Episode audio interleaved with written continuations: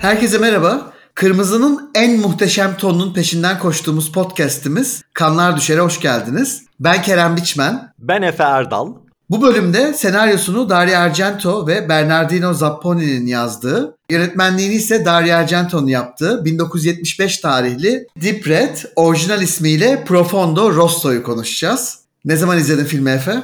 Kerem ben bu filmi izleyeli en fazla 2 sene falan olmuştur. Bayağı geç izledim. Argento sinemasına o ya da bu sebepten dolayı bir ön yargım vardı. Hatta daha önce de çok söyledim. Göz travması benim rahatlıkla izleyebildiğim bir şey değil diye. Opera filminin en ünlü görseli gözün önünde duran iğneler ya. Bu sebepten dolayı uzak durdum ben Argento'ya ve genel olarak aslında İtalyan korku sinemasına. Ee, salakmışım. Bayıldım bu filme. Ve sonra 80'lerde yaptığı birçok filmi izledim. Hatta geçtiğimiz senelerde yine geçen sene olabilir hatta Tenebre'nin altyazı çevirisini de yapmıştım sinematek için. Oo. Aynen başka türlü bir etkileşimim de olmaya başladı artık Argento filmleriyle. Aşırı zevk almaya başladım bu adamın kayışı koparmış unhinged üslubundan. Operayı hala izlemedim ama podcast'imizi sonlandırdığımız zaman 100. bölümde baştan sona birçok filmini izlemeyi planlıyorum. Daha da çünkü boş vaktim olacak ve bayağı gaza gelmiş durumdayım farkındaysan. Sen ne zaman izledin? Ya ben hatırlamıyorum aslında Efe. Şimdi daha önce bahsetmiştim. Benim bu Argento'yu işte Suspiria'yı VCD'de keşfettiğim Türkçe dublajlı halinden sonra o 2000'lerin başında hani 2000 ile 2003 yıl arasında bayağı bir Argento izlemiştim. Hatta böyle 90'larda gösterime giren filmlerini falan da izlemiştim. Hani gene aynı furyanın içinde. Bu onlardan biri miydi hatırlamıyorum. Şimdi birazcık da filmler yani o zamanki aklımda düşünün bunların hepsi aslında birbirine benzeyen filmler gibi geliyor bana. Hani mesela şu anda bu filmlerin hepsini üst üste izlesem net biçimde birbirinden belki daha iyi ayırt edebilirim. Ama o dönem öyle kaynamış gitmiş gibi görüyorum. Bu o dönemdeki filmlerden biri miydi değil miydi bilmiyorum. Ama bu filmin bu son izlediğimden daha kısa bir versiyonunu izlediğimi çok net hatırlıyorum aradaki bir yerde. Yani işte yine 2010'larda falan diyelim. Hiç emin değilim ya Efe. Yani ne zaman izlediğimi hatırlamıyorum ama diyebilirim hani İzledim sanırım izlemiştim ya da parçalar görmüştüm. 2010'larda kesin izlemiştim ama o da bu versiyon değildi. Evet bu romantik aksların falan olduğu yerleri çoğunlukla çıkardıkları bir versiyonda varmış. Bu yeni galiba Blu-ray'lerle falan bu tam full versiyonu hı hı. karşımıza çıkmış. Şu an onu izledin sen değil mi? Şu an full olanı izledin. 2 saat küsür. Aynen onu izledim. Bu arada hangi dildeydi senin izlediğin versiyonu? Ah çok güzel bir soru. Her dildeydi yani hani olmayan hiçbir İtalyanca, İngilizce, Almanca dillerinde. Yani şöyle bir sorun var sanki aslında ağızlara baktığımda hiçbir dil değil gibi o karakterlerin konuştukları. Ama bir şekilde üstüne böyle bir dubbing yapılmış. Ama İngilizceyi İtalyanlar yapmış. İtalyancayı da İngilizce konuşan kişiler konuşmuş gibi çok tuhaf bir şey izledim yani. Seninki nasıldı? Ben de İtalyanca halini izledim. Bu da komik çünkü İngilizce dublajı zaten pek özenli olmaz o dönem çıkmış İtalyan filmlerin. Ama oyuncular İngilizce bilseler de bilmeseler de İngilizce replik verirler çoğu zaman. Onun üstüne de temiz İngilizce dublaj yapılır. Burada da belli ki öyle olmuş. Benim izlediğim versiyonda ağızlar İngilizce konuşuyor o belli. Çıkan ses İtalyanca. Bir de altyazıyla izliyorsun. O da İngilizce bakıyorsun ağza oturuyor falan. Yani böyle böyle iyice alienate etmeye, yabancılaştırmaya davet gibi bir deneyimdi. Evet, Suspiria'yı konuşurken söylemiştim. E, nedense bu dönemin filmlerinde işte Argento'da başka yönetmenler bu dil olayı hiç canımı sıkmıyor. Yani çok ilginç. Çünkü normalde inanılmaz kitleneceğim ve çok o deneyimden soğutacak bir şey olur bu. Bunları böyle kabul etmişim ben sanırım. Ya zaten ben bunları ilk izlediğimde dublajlı izlemiştim. O zaman da canımı sıkmamıştı. Hani bu filmler e, sanki böyle bir dilin ötesinde ya da onu hiç en önemli şeylerden birisi değil gibi geliyor. Ya da senin dediğin gibi yabancılaşma üzerinden tam da filmin belki belirli anlatıların işine bile yarıyor olabilir diyebilirim. Ben de öyle düşünüyorum. Çok uzun süre beni mesela soğutan bir faktördü bu ama şimdi o kadar keyif alıyorum ki bu durumdan yani ne kadar tuhaf o kadar iyi diyebilirim. Bu filmi ilk izlediğimde yani işte geçen sene mi önceki sene mi bir noktada konuşacağımızı konuşmamız gerektiğini biliyordum ben. Hatta geçenlerde seninle Cronenberg'in Fly filmiyle bunun arasında bir seçim yapmamız gerekti. Fly da çok güzel film ama iyi ki bunu seçmişiz. İzlerken yine çok keyif aldım. Fly'ı da başkaları konuşur belki biz dinleriz artık.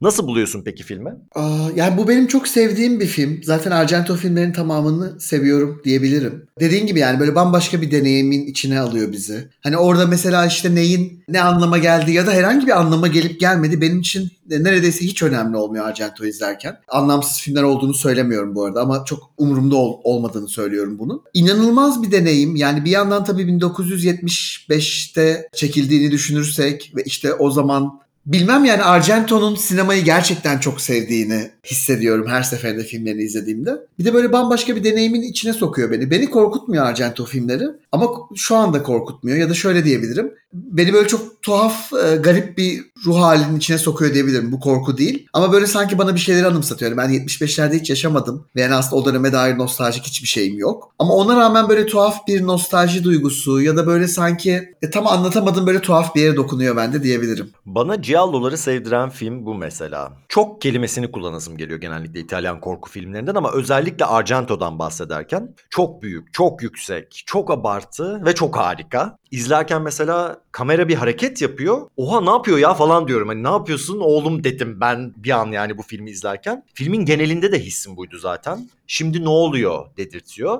Ki çok karmaşık ya da şoke edici bir hikayesi anlatısı olduğu için değil. Anlatım öğelerini kullanış biçimi, kamerayı, sesi, kurguyu, rengi beni şaşırttı ve çok etkiledi. Senin de söylediğin gibi gerçekten yönetmenin işini severek yaptığını, yeni şeyler denemekten çekinmediğini, cüretkar olunca neler ortaya çıktığını direkt gözler önüne seren bir film bu. Suspiria'yı konuşurken demiştik. Keşke bu tip filmler daha çok çekilse, böyle bir film dili daha çok kullanılsa diye. Temennim hala devam ediyor. yani böyle bizi bambaşka bir ruh haline çekiyor dediğim gibi. Ve filmi aslında izlerken mesela iki saatten daha uzundu. Nasıl geçtiğini anlamadım. O her sahneyi sanki böyle kendi içinde Hani o an o izlediğim sahnedeyim ve orada işte bir şeyler oluyor. Onu izlemek aşırı keyifli. Tuhaf bir gizem var. O gizemin dışında şey gibi korkunç şeyleri de filmin mesela çok aslında hani böyle çocukken falan korkarız ya gördüğümüz rüyalardan ya da mesela böyle hani bize mesela yetişkinler bir şey söyler. Ha işte oraya gitme orada tehlikeli bir şey var ya da işte şu eve bir hırsız girmiş falan diye bir şey anlatılır. O bile böyle bize tuhaf bir his verir eve bir hırsız girmiş olması ya da mesela çok fazla şey denirdi 90'larda. İşte şurada bilmem kim işte sapıkmış, şurada bir sapık varmış falan bilmiyorum. Hmm. Yani benim yaşadığım şey, yerlerde böyle şeyler çok oluyordu. Ve onun böyle o korkuyla birlikte çocukken de hatırlıyorum. Çok küçükken ama yani belki 6-7 yaşlarındayken bu hikayeleri hep çekilirdim. Yani böyle bir korkardım ama onu dinlemek de isterdim, duymak da isterdim falan. Tam bu filmler sanki öyle bir yere dokunuyor bende. Böyle tuhaf bir şey var o çocukken korkabileceğimiz şeyler gibi. İşte bir cinayet oluyor. Oradan işte kahverengi paltolu biri uzaklaşmış, biri görmüş bunu falan. Hani ama sadece biri görmüş mesela bunun korkusu. Yani işte güvenlik kameraları yok, telefonlar yok, iletişim yok, internet yok, hiçbir şey yok. Ve o sadece birinin birini yürürken görmüş olması cümlesinden duyduğumuz korku gibi birazcık bu film. Ya da işte o çocukken böyle korktuğumuz küçücük şeyler gibi. Güzel anlattın hakikaten. Hiç bu gözle bakmamıştım. O tarafa da denk düşüyor. Bir tek senin üzerine şöyle bir şey söyleyebilirim. Üslubu da Argento'nun hani çok şimdi lineer, kronolojik anlamda değil ama nasıl diyeyim? Ya çok sürprizli, masalsı bir anlatısı var. Rüya gibi yaklaştığını söylüyor zaten filmlere de. Bu da zaten hani çocukken hayatı anlamlandırmaya çalışan bir zihin için ekstradan akıl karıştırıcı olabilir. Çünkü filmler biraz büyük bir çoğunluğu günümüzde özellikle çok neden sonuca oturmayı seven, düz anlatıları olan, özellikle akıl karıştırmayan, hani mantık hatalarını yok etmeye çalışan ya da bunları özellikle umursayan filmlerle karşılaşıyoruz günümüzde. Ama bu filmleri mesela ben çocukken izlemiş olsaydım gerçekten aklım çok karışabilirdi. Kafayı yiyebilirdim yani. Öyle hissediyorum. Bu film bir de Argento'nun en iyi filmi olarak gösterilir birçok listede. Hatta bunun yanı sıra Giallo alt türünün en iyi örneklerinden biri. Hatta en iyisi olduğu da söylenir. Şimdi bu kıyası yapacak kadar Giallo filmi izlemişliğim yok. Mesela slasher'lara olan hakimiyetimin şu kadarı yok Giallo'ya dair. O yüzden en iyisini bilmemekle beraber izlediğim tüm İtalyan korku filmlerinin bir tık daha üstünde olduğunu söyleyebilirim. Ve Giallo prototipi olarak sunulmaya çok da uygun bir film. İşte başka ülkeden gelen bir ana karakter. Kendini bir anda olayların içinde bulması, tanığı olması, gizemi kendisinin çözmeye çalışması. Siyah eldivenli gizemli bir katil, geçmişte yaşanmış travmatik olay, Grand Guignol'u andıran cinayet sahneleri, katilin POV'si ki bu filmi izlerken ardından gelen birçok slasher'ı nasıl etkilemiş olabileceğini anlıyorsun. Evet. Ki slasher'ı geçtim, James Wan bile Saw serisindeki Billy adlı kuklanın ilhamını buradan aldığını, bu kukladan aldığını söylüyor. Hatta bence ilk Testere filmindeki tuvalet tuvaletin bir benzerini filmin başında o parapsikoloji konferansının yapıldığı tiyatronun tuvaletinde görüyoruz. Gibi gibi örnekler sayabiliriz bu filmin korku sineması üzerindeki etkilerine dair. O nasıl bir tuvalet ya? Yani filmdeki en korkunç şey, şey o bence. hani o inanılmaz şey e, bir sahne olduğunu düşünüyorum oranın. Çok korkunç olduğunu düşünüyorum. Filmin en aydınlık yeri de orası olabilir bu arada yani değil mi? Evet. o tiyatroya yakışıyor mu o tuvalet? Evet. ya ben de bu arada bu izlediğimde slasher'ların aslında işte bu filmden ya da genel manada Giallo türünden de çok şey aldığını hani bir kez daha gördüm diyebilirim. Tüm POV çekimler, nefes sesleri, işte kamera teknikleri, bütün o açılar, sınırsız cam pencere, cam panel, e, buzlu cam ve cama dair her şey. Yine çok geniş evler, evle çok alakalı olması cinayetlerin her birinde cinayetin geçtiği evinde böyle başlı başına neredeyse bir karakter gibi filmde arıza endam etmesi falan çok çok benzettim. Biz bu podcast'te slasher'ları konuşarak başladık ama e, bir tık daha devam etseydik belli ki Giallo'ya doğru gidip orada kapatacaktık galiba özüne dönüp. Yine de güzel toparlıyoruz bence. Bir önceki bölümde slasher konuştuk. Şimdi bir tık öncesini konuşuyoruz falan. Sona doğru güzel hamleler yapıyormuşuz gibi geliyor bana. Peki karakterleri nasıl buluyorsun? Genel olarak onları konuşabiliriz. Yani karakterler aslında ben de mesela Giallo türüne çok hakim değilim. Hepsini izledim diyemem. Hani slasher türündeki hakimliğim yok. Ama hepsi birer Giallo karakteri gibi. Yani işte şeyler, tuhaflar bir kere her şeyden önce. Ee, ama bir yandan çok ilgi çekiciler. Çok açık motivasyonları yok neyi neden yaptıklarıyla alakalı. Öyleler yani öyleler. Ve oldukları şeyi böyle izlemesi bayağı eğlenceli bence. En fazla vakti Marcus'la geçiriyoruz filmde. Marcus da tıpkı Carlo gibi bir müzisyen ve Marcus'u cinayete bağlayan hiçbir şey yok hani görgü şahidi olması dışında. İşte polis değil, dedektif değil ama tam da zaten Giallo'lardan beklendik şekilde hani çok alakasız bir karakter cinayeti çözmenin peşine düşüyor ve olaylar gelişiyor. Ama hani mesela tamamen hayatını riske atacak kadar ve böyle bunu çözmek pahasına diğer her şeyden vazgeçecek kadar ne yaşıyor onu asla çözemiyoruz. Böyle bir bilgi zaten yok ama bu önemli de değil. Hani bir karakterin sadece işte binadan çıkan kişiye şahit olduğu ve olay yerine böyle o ilk anda gidip olayın sıcaklığıyla orayı gördüğü için bunu böyle delice çözmeye çalışması mesela aşırı benlik bir hareket. Benim çok yapabileceğim bir hareket. o yüzden de bu karakterle aşırı özdeşleşiyorum. Hani bütün tuhaf yanlarına rağmen. Ben ne yapacağım? Cihan'la gibi gelip götünü mü toplayacağım senin oradan?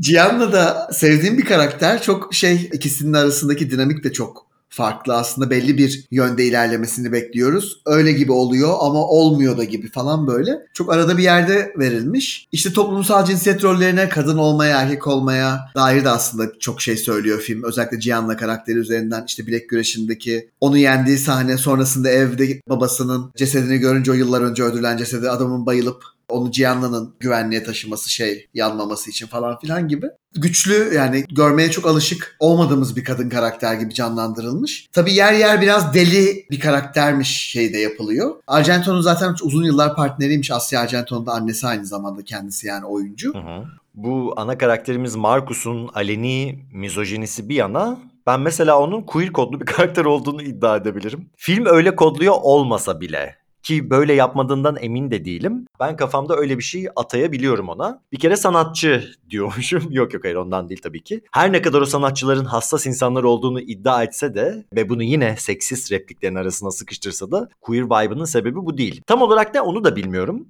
Belki bu piyanist Carlo karakteriyle olan sahneleri öyle bir his yaratmış olabilir. Ya da Carlo'yu bu queer sevgilisinin evinde ziyaret ettiğinde verdiği tepkilerden de olabilir. Belki bu tip karakterlerden beklediğimizin tersine Gianna'ya hiçbir şekilde iş atmıyor olması falan böyle düşünmeme neden olmuş olabilir. Ya da bilmiyorum Marcus 2 saat 10 dakika izlemek için fazla sıradan bir karakter olduğu için ona ben alt metinler düzmüş olabilirim.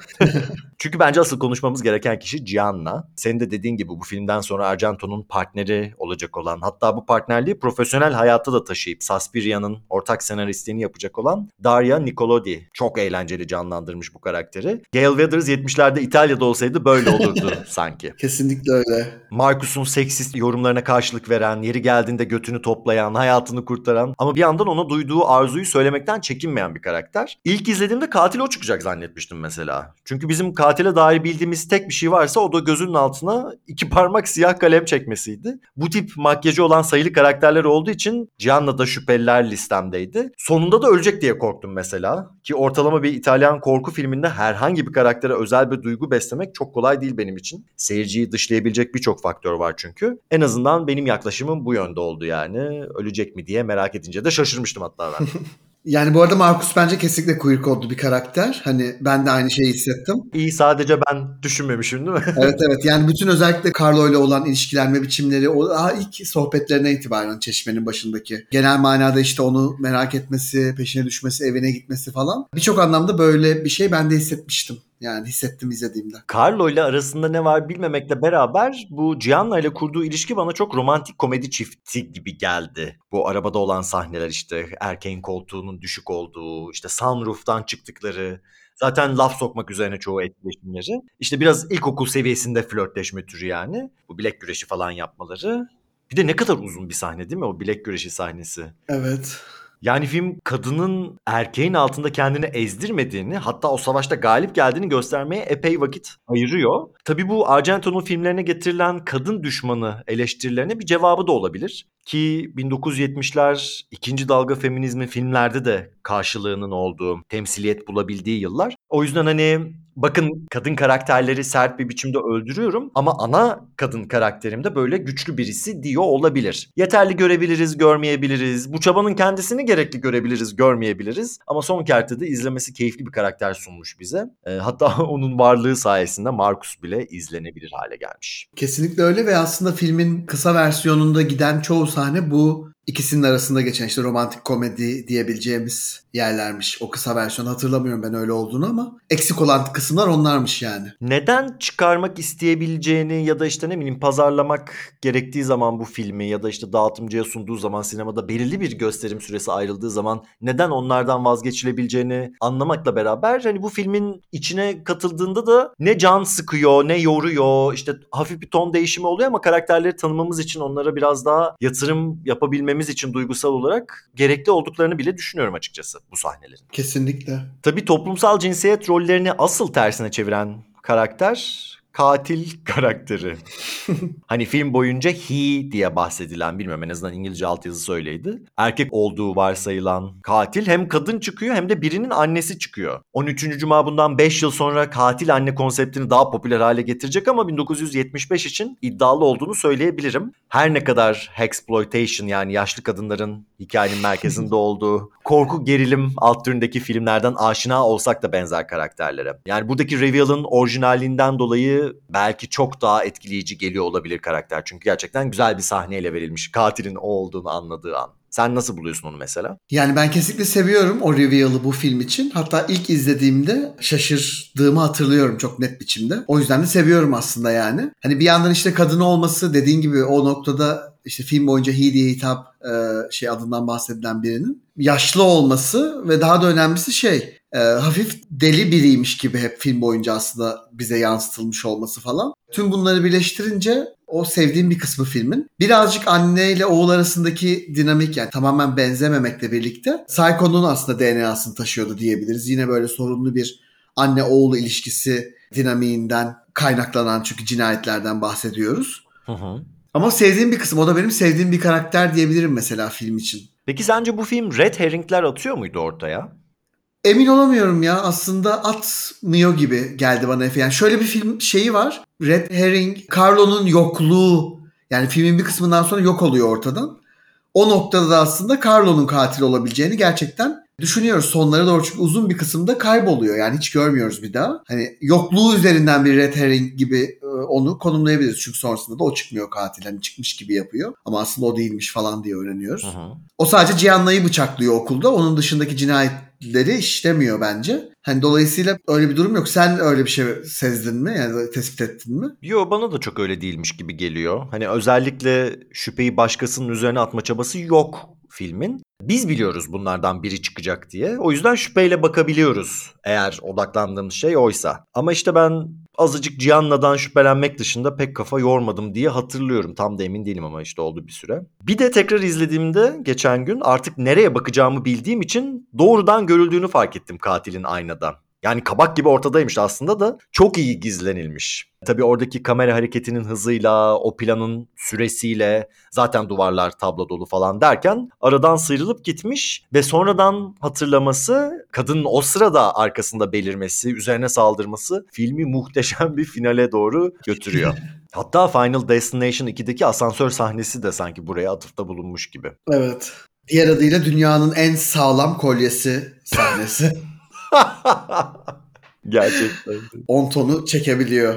Aynen. Deriyi, kasları kes şey yapıyor. Kemiği kırıyor, kıkırdağı falan. Evet. Nerede satılıyormuş bir soralım. Şimdi bu filmin Final Destination'da şöyle bir benzerliği daha var aslında. O seride de günlük sıradan durumlar ve eşyalar ölümcül bir hal alıyordu. Burada da benzer bir şey yapılmış. Hatta senaryoyu yazarken bilinçli verdikleri bir kararmış. Herkes bıçaklanma hissini bilemeyebilir ama sıcak suda haşlanmayı bilirler. Orasını burasını mobilyalara çarpma hissini bilirler. Den yola çıktıkları için mesela o profesör adam pinball gibi boing boing boing ağzını vuruyor ahşap mobilyaların köşesine. Cinayetleri nasıl buluyorsun hakikaten onları biraz konuşalım. Cinayetler her biri ayrı ayrı muhteşemler bence. Bence en korkunç cinayet o şey profesörün yani bahsettiğin. Çünkü çok grafik bir biçimde görüyoruz ve hani evet bıçaklanmak kötü bir şey ama hani sanki böyle mobilyanın sert bir köşesine ağzının neresi geldi dikkat edilmeden böyle hani çenenin ve ağzının çarpılması daha korkunç bir şey gibi geliyor bana hep. Ardından da zaten kafasından ya yani boynundan geçen bir bıçağı görüyoruz masaya saplanmış biçimde. Bolca kan. E, cinayetlerin hepsi ayrı ayrı iyi bence. Oldukça sertler. Sadece bir ara ciddi ciddi bir süre cinayetsiz geçiyor diye hatırlıyorum yani. İlk cinayet sonrası o, o arada böyle bir boşluk var gibi. Orada biraz uzuyor gibi yani film. Tıpkı geçen hafta konuştuğumuz film gibi onda da ciddi bir cinayetsizlik problemi vardı uzun bir süre boyunca. Aynen. Bu film de aynı şeyden muzdarip ama onun dışında çok başarılı buluyorum cinayetleri. Zaten Giallo konuşurken cinayet ya hep iyi cinayetler görüyoruz. Yani her biri çeşitli anlatım tekniklerinin hem yoğun hem de orijinal bir şekilde kullanılmasıyla yaratılıyor. Büyük bir şey izliyoruz her defasında. Tam bir spectacle yani. Evet o sakik kadının sadece ilk filmdeki ilk cinayetimizin olduğu yer birazcık şey gibi. Ya çok ani oluyor kapı açıldıktan sonra. Orada da bir tık daha birazcık uzun olabilir. Sonradan işte pencere görüyoruz ama ortada Carlo'yla Marcus'un konuşmasına kestiğimiz için arada. O arada sanki bir şeyler kaçırıyoruz gibime geliyor. Daha uzun olabilirdi kapıdan ilk girişi. Çünkü orada böyle gerçek bir build up da olmuyor. Hissediyor ah çok kötü bir şey herhalde ölüm beni buldu deyip kapıyı açıyor hani. Orada böyle çok ani oluyor gibi. Görmüyoruz ne olduğunu. Ha şey güzel ama ya o böyle kapı açılıyor sonra sahne bitti zannediyoruz. Dışarıda konuşuyorlar ediyorlar böyle uzunca hani ilk defa herhalde bir korku filminde araya bir 3 dakika başka bir sahne giriyor sonra cinayet Evet. devam ediyor. Kaldığı yerden ama sonrasında o penceredeki halleri falan da bana çok etkileyici geliyor ya. Ama bu arada ilk cinayet sahnesi o değil bu arada. İlk cinayet daha jenerik akarken işleniyor. Görmüyoruz tabii kim olduğunu. Gölge oyunu yapıyor bize. Ee, sonra jenerik devam ediyor hatta yine. Bu çok enteresan mesela. O araya bile bir cinayet sıkıştırmış daha film. Hani başlamaya çalışırken diyeyim. Ki o da bir flashbackmiş aslında. Sonrasında yeniden görüyoruz o sahneyi. Aa işte bu oymuş falan diyoruz. Aynen. Peki sence Carlo'nun annesi yani namı diğer katilimiz ilk cinayet dahil olmak üzere bu cinayetleri neden işliyor? neden hani? Evet o konferansa katılıyor. Kadın diyor ki burada çok kötü bir enerji var. Birileri kötü bir şey yapmış. Evet işte kocasını 40 yıl önce öldürdü ortaya çıkacak falan çıkmayacak aslında. Çık kalkıp gidiyor. İşte herkes zaten bir sürü kalkan oluyor oradan ayrılan oluyor. Belki de işte hayatında kötü şeyler yapmış olan herkes. Ama sonrasında bu cinayetlerimiz neden başlıyor? Yani ar- ardında şey eleştirdiğim için söylemiyorum bu arada. Hani eğlenceli bir yerden. Gerçek bir motivasyonun hani tıpkı Marcus'un cinayetleri çözmeye hayatını adamasının bir motivasyonu olmadığı gibi burada katilimizin de bir motivasyonu yok. Ya film aslında bunu çok gözümüze sokmuyor ama dur önce Marcus'tan başlayayım. Marcus çok büyük ihtimalle işte tek görgü tanığı diye işte gazetelerde haberlerde falan sürekli fotoğrafı döndüğü için bir noktada katil de evine dadandığı için hani polis çözmüyor ki polisin İtalya'da bile ne kadar işlevsiz olduğunu görüyoruz bu filmde. Haksız da sayılmaz. Ben kendim çözeyim bari gibi bir yerde olduğunu düşünüyorum ben. Yani motivasyonun bu olduğunu düşünüyorum. Katilde de şöyle gibi sanki hani o medyum kadın kim olduğunu anlayacak onun. Anlamadan ben gidip onu öldüreyim. Aha sonra başka birisi beni gördü. Şimdi ben o adamı öldürmem lazım. Bu adam da işte başka insanların yardımına gidiyor. İşte yazarın kitabını buluyor. Gidip o yazarı öldüreyim o beni ifşa etmeden. Her defasında da ucundan dönüyor. öyle Duvarlara yazılıyor adı falan. Yani kadın ne yapsa aslında daha fazla kendine dikkat çekiyor. İşte profesör de aynı şekilde. Hani kim ona yardım etse kim olduğunu ortaya çıkarmasına onu öldürüyormuş gibi geliyor. Bana böyle geçti açıkçası. Ama yani sıradan bir Hollywood filmi gibi tabii çok net bir şeyle söylemiyor. Yani bu mesela Scream filmi olsaydı 5 dakika monolog izleyecektik filmin sonunda. Kesinlikle öyle. Markus'u öldürmeye gelip işte Markus'un fark ettiği piyanoyu çalmaya devam edip bir elinde o böyle küçük aksesuarla işte savunmada beklediği. Sonra bir anda koşup o tahta paravanı kapıyı kapatıp arkadan katilin şey dediği yer var ya işte hani senin de sıran gelecek ne olursa olsun seni öldüreceğim seni bulacağım şu an uyduruyorum ama bu tarz bir şeyler söylüyor. Hı hı. O sahne aşırı korkunç değil mi Efe? Arkadan gelen o ses. Ee, çok çok sevdiğim sahnelerden birisi. Bu da mesela çok alışık olduğumuz bir şey değil yani. Paravanın arkasından katilimizin göreceksin gününü seni mahvedeceğim falan deyip geri gitmesi. Hani geri çekilmesi. Seninle işin bitmedi küçük şeytan. Çok kara melek. Yine geldik Nazmiye'ye mi? evet kesinlikle çok Nazmiye bu filmdeki yani. Yaşlı bir kadın olmasını geçiyorum katilimizin. O kötülüğün sebepsizliği ve yoğunluğu ve o kötülük yapmadaki hırs kesinlikle Kara Melek Nazmiye yani. Ve fashion statement olarak da yani giyiniş tarzına benziyor evet. şimdi düşününce. Ha, yine Kara Melek'e getirebildik konuyu valla. Uzun zamandır hiç bahsini açmıyorduk Kerem. evet. Bunu bitirince Kara Melek podcast'i yapacağız seninle. Sırada o var. Gerçekten yapabilirim. Yani bölüm bölüm, yüz bölümü. He iyi madem. Şakaydı ya.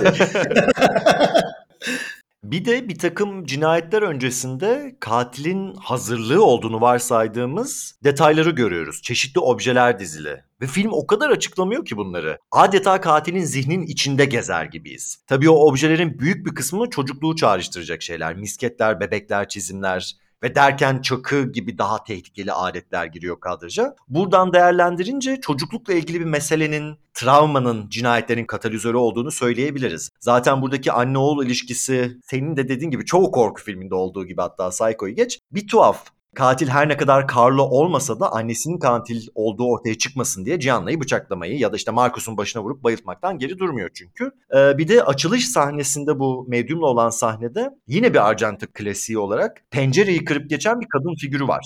Bayılıyor bu öldürme tekniğine. Fena da değil bir yandan. Bayağı sert çünkü.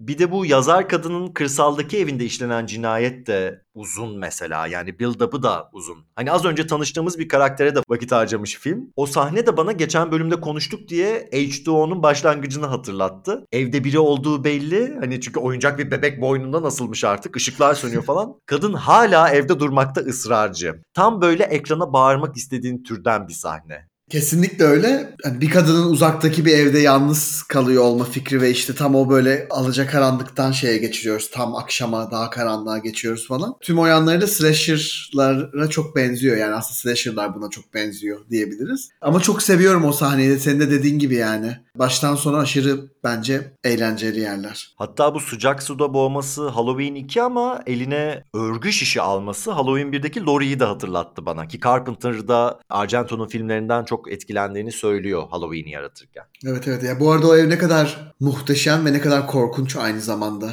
Kesin sen şimdi gidip orada yaşamak isteyeceksin değil mi? evet. Çok istedim. izlerken inanılmazdı o bahçesi kapalı olması, her tarafın falan uzakta, herkesten uzakta olması. Bu arada genel olarak filmdeki herkesin evi aşırı güzel. Dikkat ettin mi? Yani hani işte o profesörün evi, Markus'un evi, katilimizin evi. Yani filmdeki herkesin evi aşırı güzel. Evet biraz İtalya'da olmakla alakalı ama çoğunlukla bence bir Argento filminin içinde olmakla da çok alakalı diye düşünüyorum. Yani çok büyük ihtimalle bunların hepsi soundstage çünkü. Evet. Ya buna çok vakit harcıyor. Yani sıradan gözükmekle ya da doğal ev içi olmasıyla değil gerçekten böyle sanat eserleriyle dolu, özenle döşenmiş, geniş alanlar falan sunuyor bize. Gerçeklikle hiçbir bağının olmadığını burada da görüyoruz yani. Evet. Şimdi bu profesörün öldürüldüğü sahnede de yani cinayetin kendisi de mobilyaları işin içine kattığı için nevi şahsına münasır ama her şeyden önce o kukla ne ya? Aklım çıktı izlerken ilk seferinde. Evet. Benim de. yani çok korkunç ve e, çok hani o gerilimin orada kullanılımı çok böyle şey bir yandan da çok boşa çıkıyor hani. E ne oldu yani o kukla şimdi niye adama doğru ee diye böyle gülüyor mu ağlıyor mu bir şey yaparak hani geldi. Aslında bir dikkat dağıtma olarak kullanılıyor çünkü hemen ardından katil diğer taraftan atlıyor falan. Ama inanılmaz korkunç olduğunu düşünüyorum random doğrudan random yani. Evet. Bir de çok güzel oynuyor hakikaten seyirciyle. Başka bir yerden çıkacak diye bekliyorsun katil. Çünkü bir böyle açı karşı açı var. Bir adamın görüyoruz bir de o pencerenin dışından görüyoruz birbirlerine bakıyorlarmış gibi. Hiç beklemediğim bir köşeden hiç beklemediğim bir şey çıkıyor hızla üzerine koşa koşa. Hikayesel olarak da bir yere oturtamıyorsun o kuklayı. Ve sadece totalde 10 saniye falan var filmde ama filmin en bilinen imgelerinden bir tanesi. Ve katil de hakikaten bambaşka bir yerden çıkıyor bu sefer. Korkutmayı çok iyi biliyor Argento. Dehası burada zaten. Mantığı yok sayma pahasına ve bence mantığı yok saydığı için hatta bu kadar çok etkileyici. Evet bence de. Zaten başlarda da dedim rüya gibi yaklaştığımı söylüyor filmlere. Gerçeği yeniden yaratmak, gerçekliğin peşinden koşmak beyhude ve sıkıcı bir çaba gibi geliyor bana. Genel olarak sinema anlayışı olarak yani. Bu filmde asıl dikkatimi çeken ve konuşmaya değer bulduğum iki tane şey var ve ben ilk izlediğimde bunları fark ettim mi hatırlamıyorum ama ikincisinde gerçekten aklımda kalmadıklarını fark ettim. Ses ve müzik kullanımı ve sanata ve sanat eserlerine yapılan vurgu. Ki bu da ilkini kapsayan bir şey aslında. Mesela müzikle ilgili özellikle şunu söyleyebilirim. İlk defa kendi tema müziğini yanında getiren bir katil var karşımızda. Cinayet işlerken bir çocuk şarkısı çalıyor. Bu cinayetlerin öncesinde gördüğümüz bu çocuksu objeleri de meşrulaştıran bir şey. Hatta burada da seyirciyi kandırıyor. Bu ilk medyumun cinayetinde müziğin nereden geldiğini anlamıyoruz. Hatta o konferans sahnesinden yola çıkarak medyum kadının zihninde duyduğunu bile düşünebiliriz. Çünkü başta bir çocuk şarkısı duyduğunu söylemişti zihninde. Ya da Marcus'un evinde bu piyano çaldığı sahnede de bu az önce bahsettiğimiz o paravanın kapandığı müziğe, sese ve sessizliğe özellikle vurgu yapıyor. Zaten sanatsal üretim yaptığı bir an o Marcus'un. Nota yazıyor, notaları okuduğunu görüyoruz close-up'larla. Tuşlara basıyor bir yandan yani çalıyor da. Sanatsa dair ve üretime dair her bir faktör var burada. Sadece bestelemiyor ya da sadece sadece icra etmiyor. Katilin evde olduğunu fark edince de çalmaya devam ederek oyalıyor ya da kandırıyor onu. Ve bu sırada çıkan başka bir ses telefon sesi harekete geçiriyor. Bir yandan telefonda Gianna ile konuşmaya çalışırken katil kapının diğer tarafından seslenerek tehdit ediyor. Bir dahakine öldüreceğim seni diye işte neyse. Tam sinemada ses dersinde gösterilmelik sahne. Hani sessiz olursa öldürülecek, müzik hayatını kurtarıyor Filmde böyle çeşit çeşit ses kullanımları var. Mesela kütüphanede o kitabı bulduğu sahnede rüzgar, uğultu, çocuk sesleri gibi o ortama ait olmayan sesler hakim oluyor. Tabii şunu da iddia edebiliriz. O sırada geniş plandayız. Yavaş bir zoom in yapılıyor. Her ne kadar filmin genelinde kullanılan bu eldeki sallanan hareket eden katil POV'sine ters olsa da katilin onu uzaktan izlediğini ve duyduğumuz sesin onun zihninden geldiğini söyleyebiliriz sanki. Yani katili görmesek bile orada olduğundan bile emin olamamamıza rağmen katilin zihnine girdiğimiz, onunla en yakın olduğumuz an olabilir bu. Hemen sonrasında Kattu Markus kafede telefonda Gianna ile konuşuyor. İkisinin de bulunduğu ortam aşırı gürültülü. Biri kafede, diğeri gazetede. Kakofoniye ve iletişimsizliğe doğrudan vurgu var. Hatta bir sonraki sahnede bile yani bu kırsalda öldürülen kadını ilk gördüğümüzde kuşların sesleri nasıl taklit ettiği falan konuşuluyor o yaşlı kadınla. Peki bunlar bize ne diyor olabilir? Onun için de filmin sanatla kurduğu bağlama bakmak lazım. Film en başta zaten bir caz müziği provasında başlıyor. Marcus orada şunu diyor hatta. Çok güzel çaldınız ama fazla güzeldi diyor. Daha trashy olmalı diyor. Tür olarak caza baktığında da Afro-Amerikan kültürden çıkıp sonrasında daha seçkin diyebileceğimiz bir konuma gelen bir tür bu. Genele çok hitap etmez, geleneksel olmayan yapıları vardır. Tabii bir yandan da bu muhabbet bir stüdyoda falan değil, mermer sütunların olduğu muhtemelen tarihi bir yapının içinde geçiyor. İtalya zaten mimarisiyle son derece çarpıcı bir ülke. Ben bundan 10 küsür sene önce gittiğimde en kıytırık sokak arasında bile mimarinin ne kadar etkileyici olduğunu fark etmiştim ki binalara falan çok bakan biri değilim normalde ama hemen dikkatimi çekmişti. Bu sahne bana başlı başına Argento'nun kendi sinemasına bakışı gibi geliyor. Her şey çok grand. Bütün o set piece'ler ama bir yandan da çok trashy, cinayet anları. Zaten jazz çalıyor tüm cinayet sahnelerinde. Goblin grubunun müziği ki gerçekten çok muhteşem. Katilin bu hazırlandığı anlarda kullanılırken cinayetlerde caz müzisyeni Giorgio Gaslini'nin film için bestelediği şarkılar çalıyor. Yani hem kaliteli hem trashy bütün bunlar üst üste geldiğinde galiba Argento'yu özetleyecek şey bu olabiliyor ki filmin başında karakterin kendisi dile getirmişti. Biraz kendinden de bahsediyormuş gibi geliyor bana yönetmen. Yani çok katılıyorum söylediklerine. Film aslında tam da bu e, dediğin ikilikleri çok güzel birbirinin böyle hem aleyhine hem de birbiriyle el ele kullanıyor. Yani işte baktığımızda belki anlamsız ya da böyle inanılmaz bir hikaye olmayan bir anlatıdan falan bahsediyoruz ama bunu hani bu şekilde sununca, bunu böyle izletince çok daha bizim için anlamlı ve böyle güzel bir şey dönüşüyor. Ya da işte anlamın ta kendisi oluyor bu. O noktada şeye katılıyorum. Hani kaldı ki işte bütün bahsettiğin bu inanılmaz sanat yönetiminin inanılmaz oluşu, e, bütün sinemaya dair olanakların ya da yeniliklerin böyle tam sonuna kadar kullanılması falan. Ama bir yandan da mesela bunları böyle çok vahşi ve gore içeren işte cinayet sahneleri için kullanılması tam da dediğin yerlere gönderme yapıyor bence. Yani Argento bir yandan bu daha düşük olanı, daha böyle aşağıda olanı en tepedeki şeylerle inanılmaz biçimde hep harmanlıyor gibime geliyor benim de. Sahiden de öyle. Bir de hani bu filmlerin İtalya'da geçiyor olması da çok önemli. Yani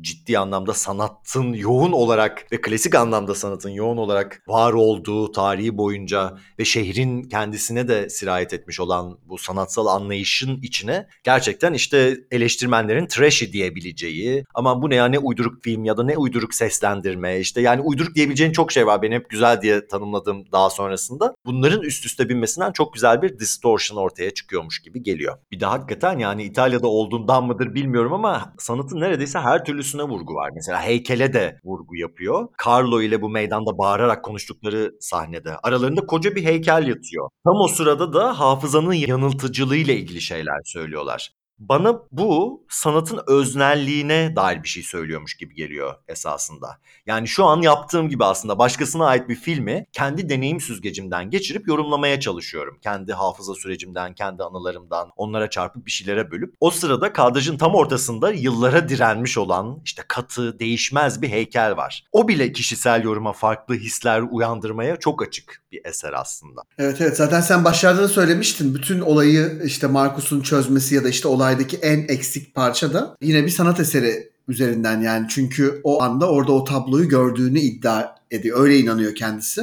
Hem hafızaya dair hem sanata dair falan. Ve ancak oradaki tablonun aslında tablo değil bir ayna olduğunu fark ettiğinde olayı birazcık çözebiliyor. Evet yani her şeyden önce Markus'un bu olayın peşine düşme sebebi sanatla ilgili. Yani olay mahallinden bir tablonun kaybolduğunu düşünmesi. Şimdi oraya tekrar geleceğim ama filmin hani hakikaten diğer bütün sanat şeylerini nasıl kullandığına dair şu örnekleri de hatırlatayım diyorum. Tiyatroya vurgu var filmin en başında hem de daha sonra o tiyatro binasına geri döndüklerinde bu olay gecesini anlattıkları zaman. Profesör karakteri boş salonu ama close-up'la başladığı için aslında bize tirat atıyor. Ve o geceyi anlatırken sahnede ışıklar altındaydık, seyirciyi göremiyorduk diyor. Ve salonun o sırada boşluğuna da ekstradan vurgu yapmış yönetmen. Bir başkasında karşılığı olmayan ya da seyircisi olmayan, dinleyicisi, deneyimleyen kişisi olmayınca sanatın da bir anlamı yok der gibi. E bu meydandaki Blue Bar denilen yer doğrudan Edward Hopper'ın özellikle Nighthawks tablosuna benzer şekilde inşa edilmiş. Mesela çok kısa bir pazar sahnesi var alakasız. Nerede olduğunu bile hatırlamıyorum.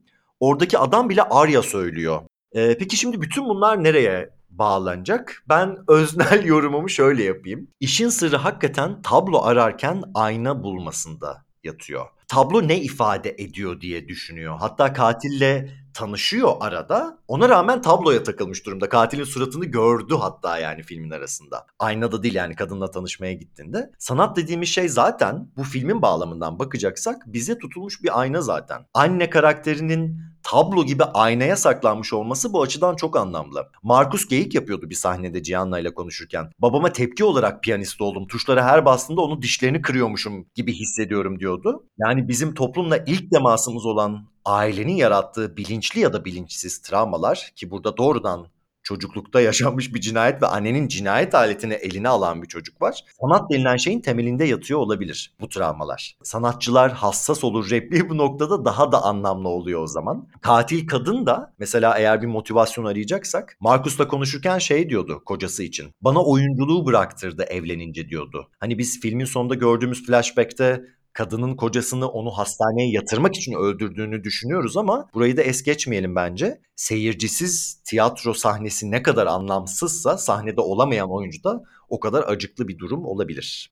Bir de cinayete tanıklık eden çocuğun büyüyünce piyanoya yöneldiğini görüyoruz. Ama ilk sanat eseri aslında başka bir şey. Cinayeti tasvir ettiği resim. Bu tekrar tekrar çizdiği. Hatta sanat öyle bir şey ki o filmin ortasında gördüğümüz küçük kız bile etkilenmiş o resimden ve kendisi de çizmiş. O kızın da sorumlu bir tip olduğunu söylüyor bize babası. Kertenkeleleri işkence ettiği için. Yani evet kızdırıyor bence de bir saykoluk var ama aslında şu da olabilir. Yani hayatı anlamlandırmaya çalışıyor. Hepimiz yapmışızdır küçükken böceklere falan ölümü anlayabilmek için. Şimdi pişmanlık duysam da tabii. Babası ne yapıyor? Tokadı basıyor suratına. Yani travma döngüsü tekrar kendini üretmiş oluyor. Kız da gidip işte o diğer travmatik çocuğun resminden ilham alarak kendisi yeniden çizebiliyor. Yeniden canlandırabiliyor o sahneyi. Markus'un bu duvarı kazıyarak o evin içinde resmi bulması çocukluk travmasının yüzeyin altında olduğunu göstermesinin yanı sıra aslında şöyle güzel bir an da var o sahnede. Annenin olduğu kısım resimde Marcus gittikten sonra ortaya çıkıyor o parçanın düşmesiyle. Bu temelde Carlo'nun babayı öldürdüğünü düşünmemize yarıyor. Hani çünkü çocuk orada elinde bıçağı tutuyor ama bir yandan da işte görünür travma var. Mesela işte Carlo'nun suçluluk duygusu ve alkolizmi ama asıl mesele görünmeyen kısmında. Annenin öldürmüş olması babayı. Ama bu yükü çözmez de sahiplenirsen oradan oraya sürüklenirsin ve başın karpuz gibi patlar yani. Carlo'ya olan tam olarak da bu oluyor. Önce bir çengelin arkasında tüm şeyi gezip mahalleyi. Oğlum işte sahiplenmeyeceğiniz size ait olmayan travmaları. Korku filmleri gerçekten bunu çok anlatır bu arada. O yüzden Carlo da bana çok ilgi çekici bir karakter geliyor e, esasında. Bir de hani queer bir karakter olmuş olması da. Yani 5 yaşındaki hali bu arada yetişkinliğindeki haline göre daha gay bence o cinayet sahnesinde. yani bu arada şey de güzel. Carlo mesela Marcus uyarıyor bir noktada. Hani topla pılını pırtını ve git bu ülkeden falan diyor. O noktada da işte katilimiz ya da katilimizle çok yakın olan oğlu ve işte bir noktada onu korumak için belki kendi de cinayetlere başlayan ya da başlamak üzere olan aslında gitmesini istiyor. Yani Marcus'u gerçekten seviyor bence bir noktada. Bu anlamda da biraz değişik film. Hani normalde çünkü böyle bir anne oğlun hani önlerine çıkan her şeyi hunharca öldürmesini bekleriz ama burada en son karşılaş yüzleştiklerinde de söylüyor zaten ben sana git dedim falan diye. Filmi böyle birazcık şey hani bildiğimiz katil kurban ilişkilerin den daha farklı kılan şeyler var diyebilirim filmde. Hmm, belki de queer kod görmemiz biraz buralardan da olabilir. Çünkü hakikaten adam film boyunca hani onu uyarıyor, kurtarmaya çalışıyor. Hatta belki kendisi hani en sonunda bir şey yapmak zorunda kalmaktan da çekiniyor olabilir. Çünkü en sonunda o uzatıyordu silahı ona. Evet. Annesini örtbas etmek için. Şimdi son olarak şunu söylemek istiyorum o zaman. Filmdeki cesetlerin hepsinin parlak bir yüzeyden yansıyan yansımaları var kan olabilir, banyo duvarı olabilir, masa olabilir. Tam da kertenkele öldürüp hayatı ya da ölümü anlamak gibi biz yetişkinler için de ölümün kendisi kaçınılmaz sonumuz yani. Hayata tutulan, onu anlamlı kılan bir ayna aslında. O yüzden Markus en son jenerikte akarken kandaki yansımasında ne görüyor bilemeyiz ama biz ne görüyoruz bu filmlerle kurduğumuz ilişkide üzerine düşünülesi sanki. Evet sanırım yine bir bölümü daha devirmiş olduk. Kaldı son iki. Neyse ki bir sonraki bölümün kesinlikle çok eğlenceli olacağını biliyoruz. Hangi film olacağı da hadi sürpriz olsun. Önümüzdeki günlerde açıklarız zaten. Dinlediğiniz için teşekkür ederiz. Bir sonraki bölümde görüşmek üzere.